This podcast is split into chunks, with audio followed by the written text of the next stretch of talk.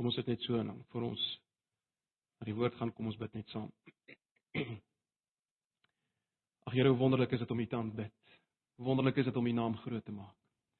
Dis waarvoor ons hier is vanoggend om U meer te kan sien vir wie U is sodat ons U beter kan aanbid. Ja, sodat ons U kan aanbid ook te midde van hartseer, siekte, swaar kry, lyding. Kom nou Here en open ons oë vir wie U is. Help ons as ons U woord gaan oopbreek. Doen dit ten spyte van wat ons is, op grond van wie U is, op grond van wat U vir ons gedoen het op Golgotha. Asseblief Here, hoor ons gebed. Ons vra dit in Jesus se naam. Amen. Ja broers en susters, ons is uh, besig nog steeds met die boek Johannes. Ons het reeds uh, verlede Sondag weer begin na die Paasnaweek waar ons gefokus het op die kruis en die opstanding. Uh Blaai julle Bybels na Johannes 5. Ek wil net sê die van julle wat nie nie verlede Sondag hier was nie, heel wat was nie hier nie, want dit was vakansie. Uh die series is beskikbaar.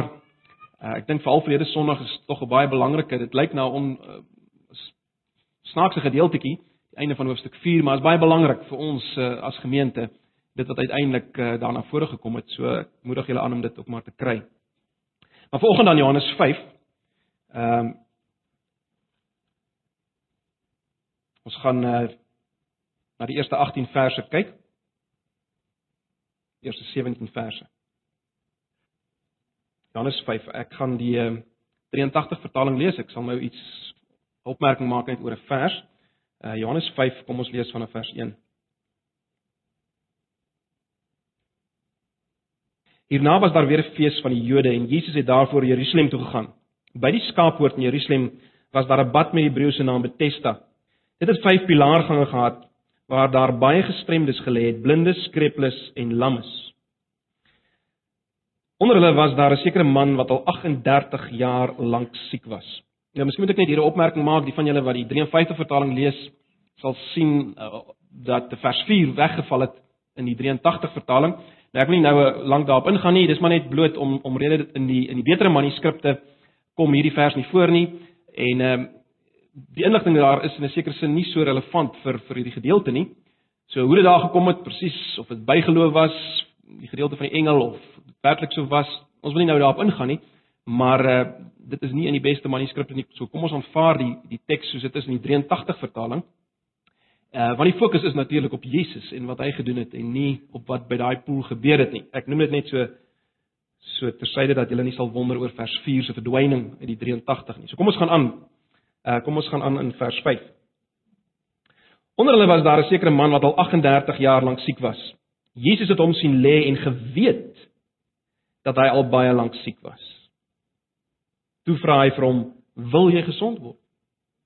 Die siek het hom geantwoord: "Meneer, ek het niemand om my in die bad te sit as die water in beweging kom nie, en terwyl ek aansukkel, gaan iemand anders voor my in." Jesus sê toe vir hom: "Staan op, tel jou goed op en loop." Oombliklik het die man gesond geword, sy goed opgetel en geloop. Dit was 'n Sabbatdag. Die Jode sê toe vir die man wat genees is, dit is 'n Sabbatdag, jy mag nie jou goed dra nie. Maar hy antwoord hulle, die man wat my gesond gemaak het, het vir my gesê, tel jou goed op en loop. Hulle vra hom toe, wie is die man wat vir jou gesê het, tel jou goed op en loop? Die man wat gesond geword het, het egter nie geweet wie dit was nie. Want Jesus het ongemerk weggegaan omdat daar 'n klomp mense op die plek was. Later kry Jesus hom in die tempel en sê vir hom: "Kyk, jy is nou gesond. Moet nou nie meer sonde doen nie, sodat daar nie iets erger met jou gebeur nie." Die man het vir die Jode gaan vertel dat dit Jesus is wat hom gesond gemaak het. Die Jode het toe teen Jesus te velde getrek omdat hy dit op 'n Sabbatdag gedoen het. Maar Jesus het hom teen hulle verweer: "My Vader werk tot nou toe en ek werk ook." Lees net so ver. Nou broers en susters, ons leef in 'n wêreld vol ellende. Ek hoef julle niks daarvan te vertel nie. As jy nie saamstem daarmee nie, dan leef jy in ontkenning. Ons leef in 'n wêreld vol ellende. Lyding, siekte, smart en die dood is oral rondom ons. Is dit nie so nie? Uh as ons die televisie aansit, word ons daarmee gebombardeer. Maak ons die koerant oop, val jy in Pretoria, né? Nee. Uh dis daar. Dis daar. In ons eie gemeente, soos ons vanoggend hier sit, uh, is daar mense wat terminaal siek is. In ons gemeente is mense terminaal siek. Miskien is jy vanoggend hier as iemand uh wat siek is. Of wat iemand ken wat siek is. Of wat in ellende verkeer. Nou, die vraag wat 'n mens dikwels in jou binneste het en en en dikwels is ons te bang om dit te vra hoor. Maar die vraag wat ons in ons binneste het en tereg so, die vraag wat ons het is natuurlik sien God dit? sien God hierdie toestand? Het hy enigstens empatie daarmee? Het hy die vermoë om iets daaraan te doen? Kan hy iets daaraan doen? Het hy die krag om iets daaraan te doen? En as hy die krag het, hoekom doen hy niks daaraan nie? Waarom is daar nog soveel ellende, soveel siekte? As hy dan iets daaraan kan doen en as hy as hy weet daarvan en as hy vol ontferming is. Dis die vraag waarmee ons sit.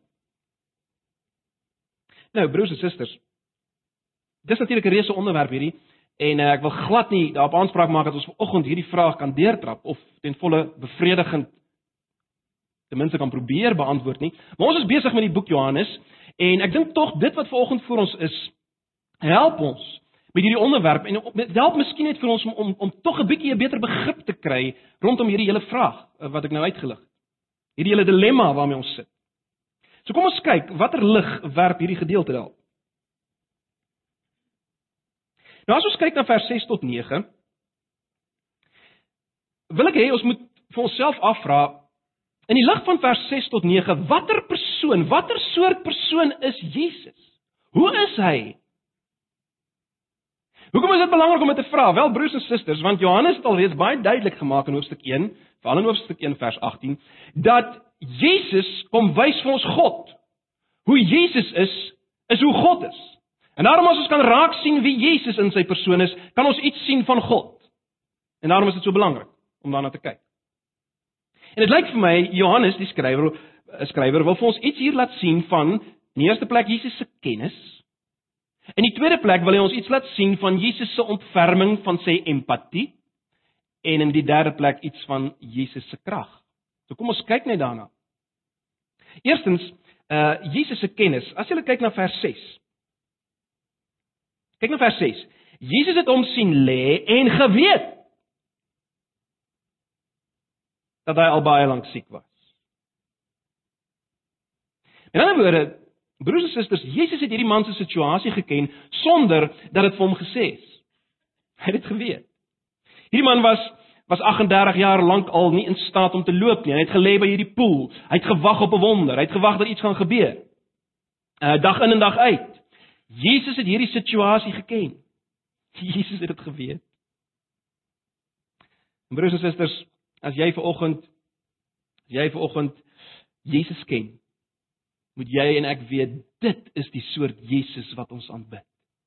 Dis die God wat ons aanbid, né? Nee. God wat die God wat jou ken.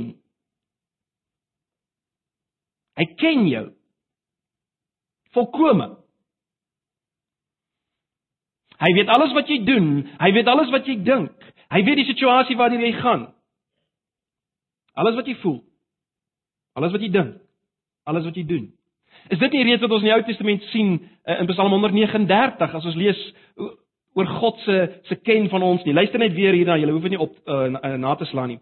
Psalm 139 vers 2 tot 4. U ken my. Uh, u ken my sit en my opstaan. U verstaan van ver my gedagte. U deurfors my gaan en my lê en u is met al my weë goed bekend. Want daar's nog geen woord op my tong nie of u Here ken dit geheel en al. Dis ons God. En broers en susters, hoe meer jy van Jesus weet, uh van Jesus leer, hoe, hoe kosbaarder word hierdie dinge, né? Hierdie waarhede. Maar in die tweede plek, let bietjie op op Jesus se ontferming of sy empatie. En, en terloops, dis een van die dinge wat sy kennis van ons nou weer kosbaarder maak as ons iets van sy sy empatie sien. Is dit nie so nie? Let bietjie op as ons hierna kyk. Jesus het gekies om na hierdie poel toe te gaan. Hy hoef nie na hierdie poel toe te gaan eh, te gegaan het na hierdie bad toe. hy het gekies. Hy het nie toevallig uh, gestrompel, vasgeloop in hierdie poel nie, né? Hy het presies geweet wat hy gedoen het. Broers en susters, hy het op dieselfde manier na hierdie bad of hierdie poel gegaan as wat hy gegaan het na 'n een eensame put op 'n tyd van die dag wat geen vroue water skep nie, om 'n een eensame vrou in 'n haglike toestand van sonde te ontmoet en haar lewe te verander en vir haar lewende water te gee. Op dieselfde manier gaan hy hier na hierdie bad toe. Op dieselfde manier as wat hy na 'n tekensoekende profeet onteerende Galilea gaan en uiteindelik daar 'n 'n 'n 'n man wat betrokke is in die in die diens van Herodes se seun genees en hierdie man en sy gesin kom tot geloof in Jesus. Op dieselfde manier gaan hy na hierdie bad toe. Dieselfde manier.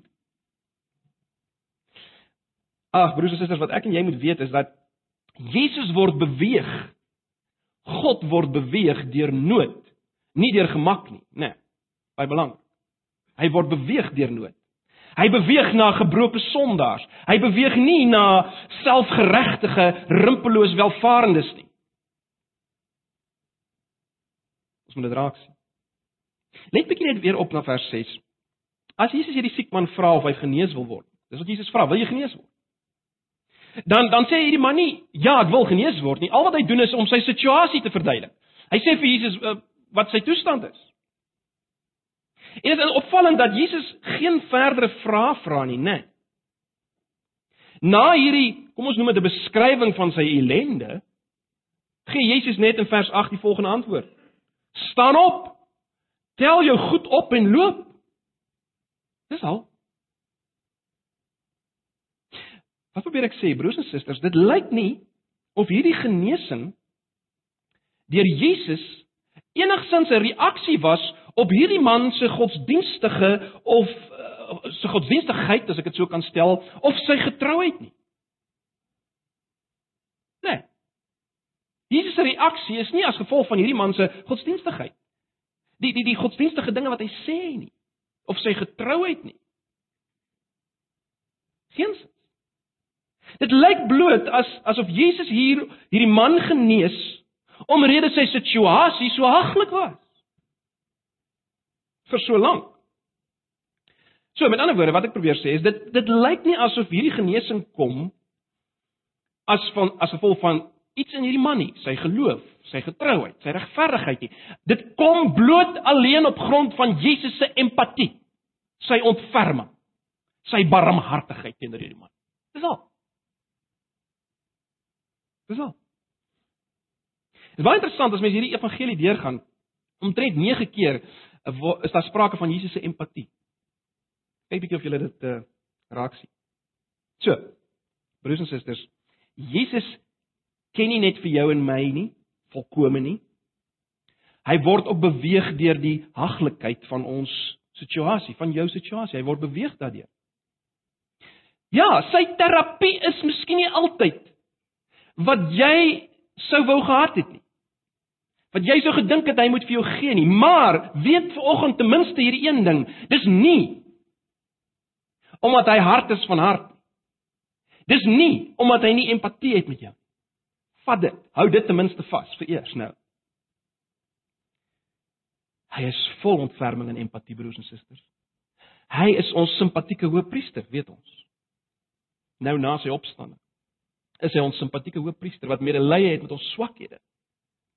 So moet nooit dink hy het nie empatie met my nie. Kyk, kyk waar sit ek. Moet nooit dit dink. Maar dit bring ons by by die volgende ding wat Johannes wil hê ons moet sien en dit is Jesus se krag. Dis Jesus se krag.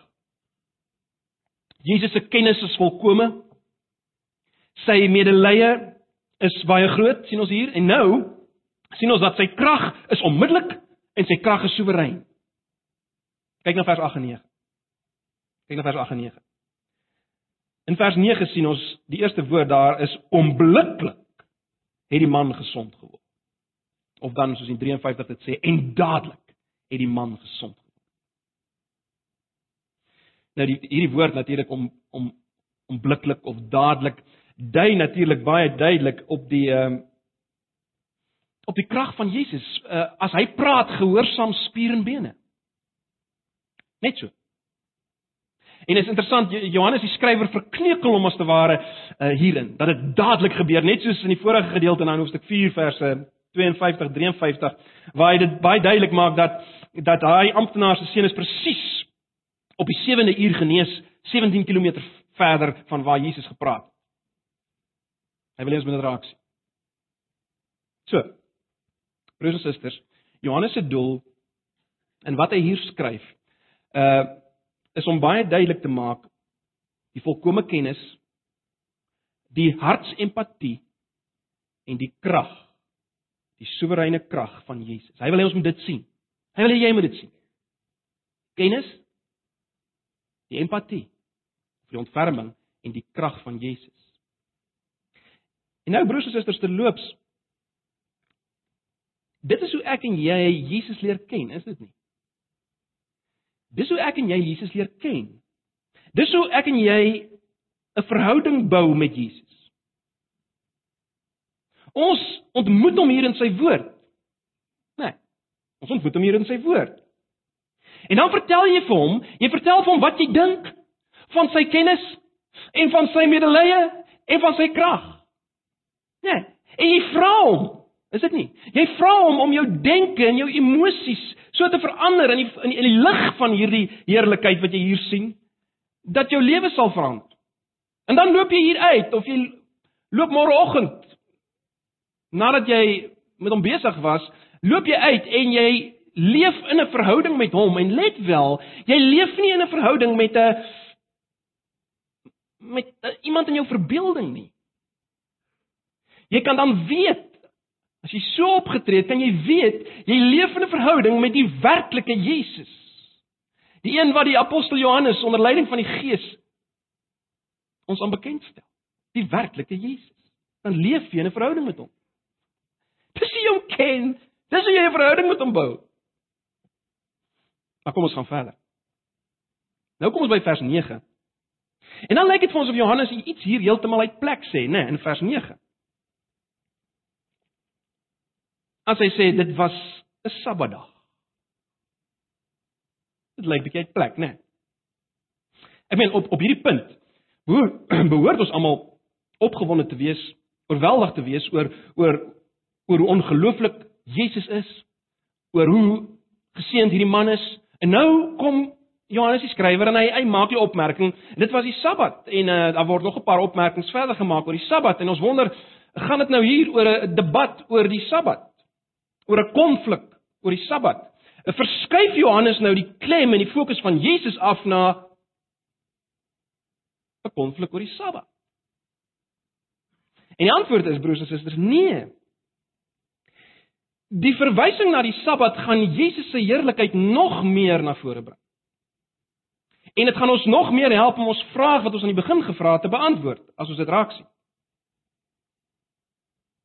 Maar goed, kom ons kyk eers wat verder hier gebeur het. En dan gaan ons kyk hoe pas die Sabbat daarbey in en natuurlik hoe help dit ons in die beantwoording van ons vrae aan die begin. Kom ons kyk net eers wat hier gebeur het verder. Ons kyk hoe pas die Sabbat daarbey in en dan kyk ons hoe help dit ons in die beantwoording van ons vrae. Terloops, ek moet net dit noem. Jesus het presies geweet wat hy doen as hy op die Sabbat genees. Hy het geweet hy doen dit op die Sabbat. En hy het geweet hy gaan konflik uit uitlok. Maar jy sien is juis in die vuur van konflik waar die identiteit van Jesus as te ware gevorm word en duideliker word, né? Nee.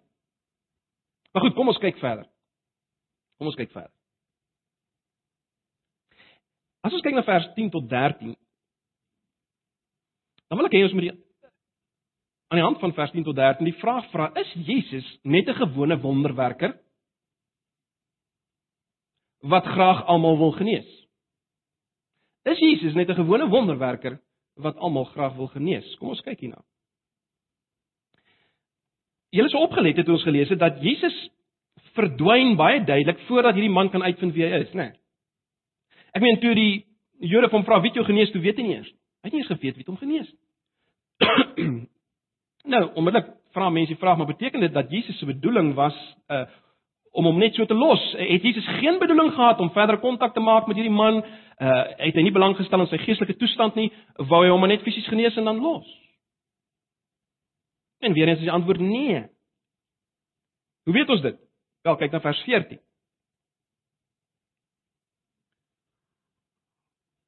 Julle sal sien dis Jesus wat die man vind, nie die man wat vir Jesus vind nie. sien julle dit? So Jesus wou verseker nie wegloop en hierdie man los net met fisiese genesing nie. Dis die eerste ding wat ons moet vat. Hy wou verseker hom nie net los en wegloop nadat hy hom fisies genees het. Daar's 'n paar dinge wat ons moet raak sien. Aan die einde van vers 13 sal julle sien dat die rede waarom Jesus weggeloop het, was omdat daar baie mense was. Daar was 'n skare. So die plek was vol mense. Sekerlik al die krepeles en dan mense wat hulle opgepas het. Dit was dit was 'n massa mense wat daar was. Nou, jy kan vir jouself dink, as Jesus daar gebly het nadat hy hierdie man genees het, wat sou gebeur het? Stormloop, né? Nee, men almal sou probeer om so gou as moontlik by hierdie Jesus uit te kom dat hy hulle kan genees. So as Jesus as gevolg van die skare nie daar gebly het nie, wat sê dit vir ons? Dit sê vir ons broers en susters, dit was duidelik nie die hoof ding in Jesus se gedagte, hierdie fisiese genesing. Dit was nie die hoofding in Jesus se gedagte nie. Dis nie die hoofding waaraan hy belangstel nie. Dit word bevestig in vers 14, né? Jesus soek hierdie man op. En as hy hom opgesoek het, kyk wat sê hy? Kyk wat vertel hy vir hom? Kyk waaroor gaan dit werklik in hierdie genesing? Mens sou kon sê dit gaan oor heiligheid, nie oor gesondheid nie. Mens mens sou mens sou kon sê in effek sê Jesus, ek het jou gesond gemaak, ek het jou genees om jou heilig te maak. sien julle dit? sien wat ek bedoel? Ek het jou gesond gemaak om jou heilig te maak. sien jy dit? Sondig nie meer nie. Hou op met sondig. Moenie verder sondig nie. In 'n ander woorde, my doel in die genesing van jou liggaam is die genesing van jou van jou siel of as jy wil jou binneste jy. Ek het jou 'n gawe gegee. Dis gratis. Dit kom voor my bevel moenie meer sondig nie. Voor my bevel moenie meer sondig nie, ek het vir jou gratis hierdie gawe gegee van genesing. Jy het dit nie verdien nie. Ek het jou uit vrye genade gekies. Ek het jou genees. Leef nou in hierdie krag. Moenie meer sondig. En dit is baie duidelik dat Jesus hom waarsku dat as hy sou wegdraai en hierdie gawe minag of as hy 'n afgod sou maak van sy gesondheid en en en sonde omhels as lewenstyl, wat dan? Wel, ek dink die implikasie is dat hy sal verlore gaan. Dis soos ek die moenie dat iets erger gebeur interpreteer nie. Hoekom interpreteer ek dit so? Wel, net vinnig, twee dinge. Ek dink daar kan veel erger met jou gebeur as as wat reeds met hom gebeur het om 38 jaar lank krepeel te lê nie. Dis die eerste rede. En dan 'n volgende rede, as ons kyk na vers 28 en 29 van hoofstuk 5. Sê Jesus moenie hieroor verbaas wees nie. Daar kom 'n tyd wanneer almal wat in die grafte is, sy stem sal hoor en sal uitgaan. Die wat goed gedoen het, sal opstaan en lewe en die wat verkeerd gedoen het sal opstaan veroordeel word. In 'n ander woorde, ek dink as Jesus praat van iets erger, het hy die uiteindelike oordeel in gedagte. Hy het die uiteindelike oordeel in gedagte. In 'n ander woorde, wat sê Jesus? Ek het jou genees sodat jy kan heel word in die ware sin van die woord. Dat jy mag stop om kwaad te doen sodat jy nie mag veroordeel word nie, maar ewig kan lewe. Ek het na jou gedraai as die lewegewer. Ek genees op een op op meer as een manier. So moenie wegdraai en meer sondig nie. Dis wat Jesus in effek vir hom sê. Nou broers en susters, die implikasies hiervan is natuurlik geweldig vir al die krankhede rondom ons. Dit wat ons nou gesien het. Dink 'n bietjie daaraan, né? Nee. Wat sien ons? Jesus loop hier na 'n groot menigte siekes, krepeles, verlamdes, volgens vers En hy genees net een, net een. En dan verdwyn hy voordat hierdie man eers geweet het wie is dit wat hom genees het en uiteindelik as hy hierdie man weer kry, wat sê hy vir hom? Wat is die eerste ding wat hy vir hom sê? Wel hy praat oor sy heiligheid. Moenie meer sondig nie. Dis geweldig. En nou is daar nog iets wat ons moet raak sien en nie moet mis nie. Hierdie was 'n verlamde man. Nou dit lyk vir ons nie na veel nie, maar Dis baie interessant as mens nou teruggaan in die Ou Testament in Jesaja 35 as daar gepraat word oor die oor die tyd wat gaan kom, die tyd van die Messias, die vernuwing van dinge, dan onder andere in Jesaja 35 vers 5 en 6. Uh spesifiek vers 6 word daar melding gemaak spesifiek van lammes wat sal spring in hierdie tyd. Dit is baie interessant. Uh, onthou julle, toe Johannes in die tronk sit en hy hy stuur twee manne na Jesus want, want hy begin twyfel, uh, is Jesus die een wat sou kom of moet ons 'n ander een verwag? Wat gaan aan? En hier sit ek in die tronk. Ek meen, is chaos. Moet ons iemand anders verwag. Wat is die antwoord? Wat is die antwoord wat Jesus vir hom gee? Gaan sê vir Johannes. En dan onder andere wat sê hy? Lammes loop. Lammes loop. Dis wat jy vir Johannes moet sê. Dis die bewys dat ek is wie ek is. Dat ek die een is wat verwag is. Baie interessant broers en susters, onthou julle in Handelinge 3 vers daar vers 1 tot 21 daai gedeelte. Van al die mense wat Petrus kon genees, Petrus en Johannes, wie genees hulle? Hulle genees een man, 'n krepelman voor die tempel. En dan word 'n melding gemaak dat hierdie man rondspring. Presies as vervulling van die belofte in Jesaja 35. Toe Jesus die man genees het, het nog net geloop. As Petrus nog genees, spring hy nou al. En baie interessant in daai selfde gedeelte in Handelinge 3, dan praat Petrus van die uiteindelike dis soos die 53 vertaling dit stel, wederoprigting van alle dinge. God sal uiteindelik alles nuut maak. Maar as dit net een man genees, en dit was 'n krepele voor die tempel. Wat probeer ek sê? Wat probeer ek sê? Broers en susters. In die eerste koms van Jesus na die wêreld kry ons 'n voorsmaakie van sy genesende krag. Die volle genesing van dit wat skeef geloop het in die skepping sal gebeur met sy tweede koms. Ons moenie daarmee verwar ons ons moenie deurmekaar raak hiermee. En nou die hele doel van genesings nou soos by hierdie man is om vir ons 'n voorsmaakie te gee, is om 'n teken te wees van dit wat kom, die volle genesing en die volle herstel. Kom ek stel dit anders. Wat het eers verkeerd geloop in die sondeval? Eerstens is die verhouding met God verbreek. En as gevolg daarvan het siekte, lyding en dood ingekom. As gevolg van die sondeverhouding wat verbreek is met God. Nou, as Jesus kom en hy herstel dinge, wat herstel hy eerste? Wat is sy eerste prioriteit? Is om hierdie eerste ding wat verkeerd geloop het, die verhouding met God en samehang daarmee natuurlik met mekaar. Hy het eerstens gekom dit te herstel. En met sy tweede koms gaan hy die tweede deel volkome herstel. Die sonde, ag die die die die lyding, die dood, die smart, né? Nee. En die genesings nou is om ons juis op te roep tot geloof, op te roep tot 'n herstel van hierdie verhouding eerstens met God, sodat ons die volle herstel uiteindelik kan beleef. Verstaan julle? Dit is baie belangrik dat ons hierdie volgorde nie sal deurmekaar gooi nie. Broers en susters. Kom ek stel dit so baie eenvoudig. Die meeste mense rondom ons wat wat vandag ly met siektes, kwale, gebreke, sal dit hê totdat hulle uiteindelik sterwe. Dit is net so. En ons almal sal sterf as Jesus nie voor die tyd kom nie. Dit is net so. Ons almal sal sterf. Verseker word sommiges genees. Daar's geen twyfel nie. Ek glo in genesing, absoluut. Hier's voorbeelde binne ons gemeente van absolute genesings. Verseker. Maar broers en susters, selfs al genees hy nou mense hier en daar, is dit nog nie die aanbreek van die finale dag van volle herstel nie. Van perfekte genesing nie. Nee, dis net 'n voorsmaakie van daardie dag. Terwyl ons in hierdie tyd is, broers en susters, hierdie tyd van versigtiging, soos Romeine 8 8 dit noem na, nê, nee, in vers 32 dink ek. Ehm um, of 23 altens. Uh as hy sê die hele skepping smag na die uiteindelike openbaarmaking van die kinders van God, uh en die uiteindelike herstel van alles. Die nuwe skepping waarop nuwe mense kan bly. Ons leef in daai tyd waar alles sug en wag daarvoor. In daardie tyd, in daardie tyd, broers en susters, uh is genesings die uitsondering, nie die reël nie. Ons moet dit onthou. En dit is nie omdat ons swak is in geloof nie. Moenie dat iemand dit vir jou vertel. Verseker.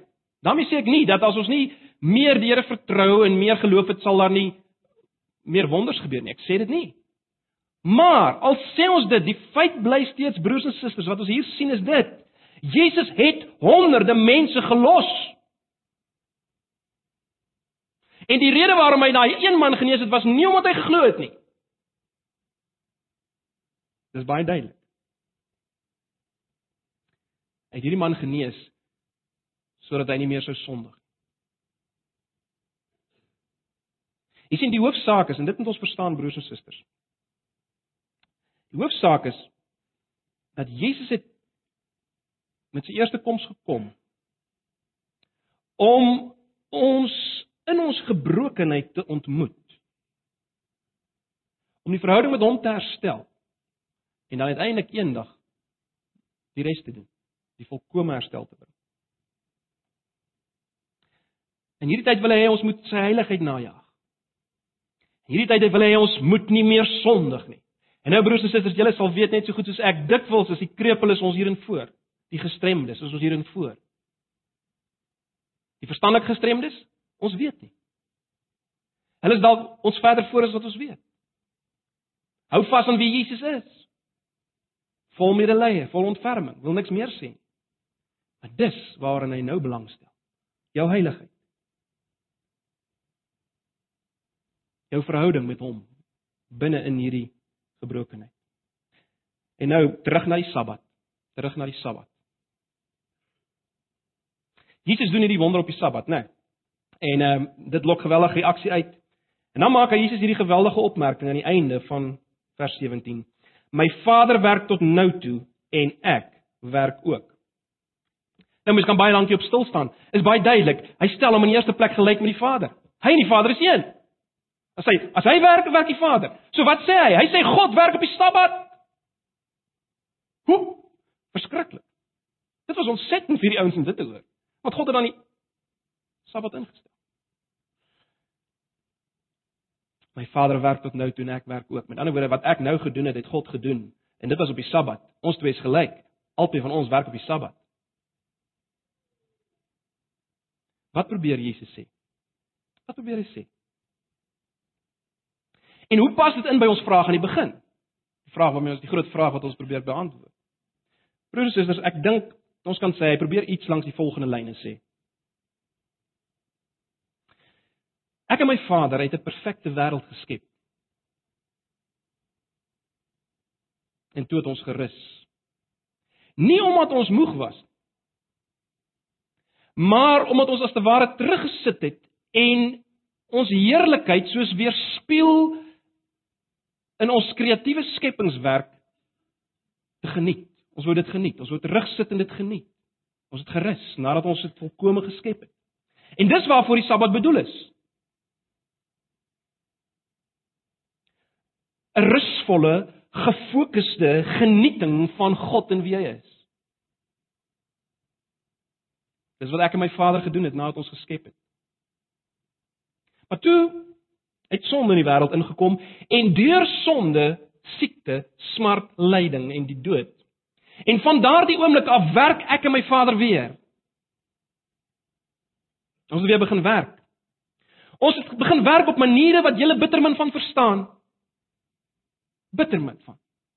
Maar ons het begin werk om 'n Sabbat paradys, as ek dit so kan stel, in die kosmos te herstel. Dis waarmee ons besig is. Ons is besig om te werk om sonde en siekte en uiteindelik dood te oorwin. Ons werk. En julle Sabbatgebod wat julle gekry het, is deel van ons werk. Dit is deel daarvan om mense te weerhou van sonde en en, en 'n vingerwysing te wees na uiteindelike herstel en rus wat in my sou wees. En die groter herstel van alles uiteindelik. Ja, julle Sabbatgebod was deel daarvan. En as ek nou as ek nou doelbewus 'n man op die Sabbat genees, dan wys ek vir julle iets van wie ek is. Dat ek heelheid bring, genesing bring, rus in die volle sin van die woord bring waarvan die Sabbat gepraat het, maar nie werklik kon gee nie. Julle Sabbatgebod. Dis wat ek wys as ek hierdie man genees, maar meer nog, Ek en die Vader trek vir julle die gordyne bietjie oop om te sien waarna toe ons op pad is. Volkome herstel. Volkome genesing van alles. Ons trek die gordyn oop. 'n Wêreld waar geen siekte meer gaan wees nie. 'n Wêreld waar geen sonde gaan wees nie. Wêreld van vreugde en blydskap. My Vader werk tot nou toe en ek ook. Dis wat Jesus sê. Dis wat hy sê. Ag, ek sluit af broers en susters. sien Jesus die ellende rondom ons, rondom jou? Ja. Verseker. Het hy medelee daarmee? Het hy empatie? Verseker. Het hy die krag om iets daaraan te doen? Verseker. Is hy besig met iets? Waarmee is hy besig? Hy is besig. Hy is besig. En die grootste deel van sy werk is reeds gedoen. Onthou julle die uitroep van Jesus op Golgotha? Dit is volbring. Die groot deel van die werk is volbring toe hy gesterf het. Toe hy uiteindelik opstaan as onderstreping daarvan. En nou het die Gees gekom om die laaste fase van die eerste proses van herstel deur te voer, naamlik die herstel met God en met mekaar. As jy begin gewonder het, waarmee is God besig? As hy dan nie genees nie, waarmee? Hy is besig. Hy is besig om die eerste deel van dit wat verkeerd geloop het te herstel. Dis waarmee hy besig is. So moenie wonder wat doen hy nie. Hy's besig. Hy's oral besig. Hy's vanoggend besig deur sy gees oor die wêreld heen. Dis nou sy groot werk om hierdie eerste deel te herstel. En dan broers en susters, weet ons, by sy wederkoms, wat sê dieselfde Johannes wat hier skryf in Openbaring? Wat sê hy? Dan sal hy elke traan afvee. En daar sal nie meer siekte, dood en lyding wees nie. As hy weer kom. Tweede fase. Ja, hy kan genees. Hy kan genees wanneer hy wil. En as hy dit doen, broers en susters, nou, dan wil hy ons juis herinner aan dit wat volkome kom. En hy wil ons oproep tot 'n herstel van verhouding met hom en met mekaar nou. Dis waarvoor genesings is.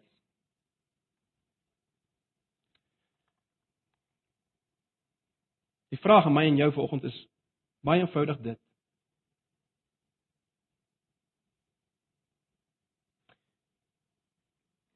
Het ons Jesus al gesien vir wie hy is? sien jy hom vanoggend? Sê jy hy ken jou van binne en van buite? Is jy oortuig van sy empatie, sy ontferming oor jou? En is jy bewus van sy soewereine krag oor jou lewe? Oor elke sening in jou liggaam, elke been, elke spier, soewerein daaroor, hy het mag daaroor.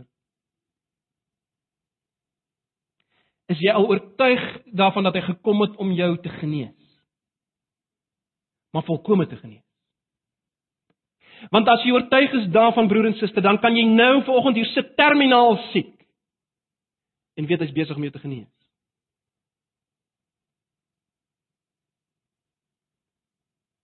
Want hy's besig met die eerste fase in jou lewe. Hy roep jou op tot die eerste fase. En hy gaan jou volkome genees as hy weer kom. Gaan jy volkome herstel wees op 'n nuwe aarde saam met hom. So of hy jou nou fisies genees of nie.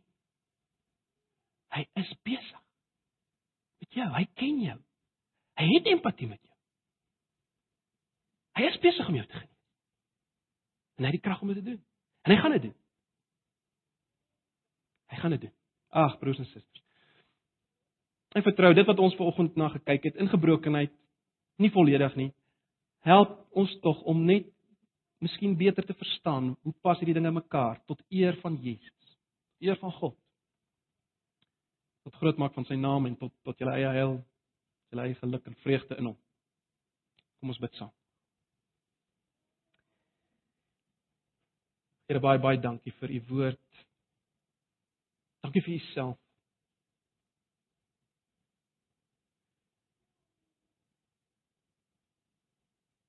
Dankie dat ons U kan sien vir wie U is. Vol kennis van ons, vol empatie, vol krag. Een wat besig is om te werk. Vir ons, vir die eer van U naam, vir die herstel van alles. Sodat elke knie uiteindelik sal buig en elke tong sal bely dat Jesus die Here is tot eer van God. Alles U sal aanbid tot in alle ewigheid. Ons dankie daarvoor bid al hierdie dinge in die wonderlike naam van Jesus. Amen. Kom ons sluit af met die laaste lied broers en susters.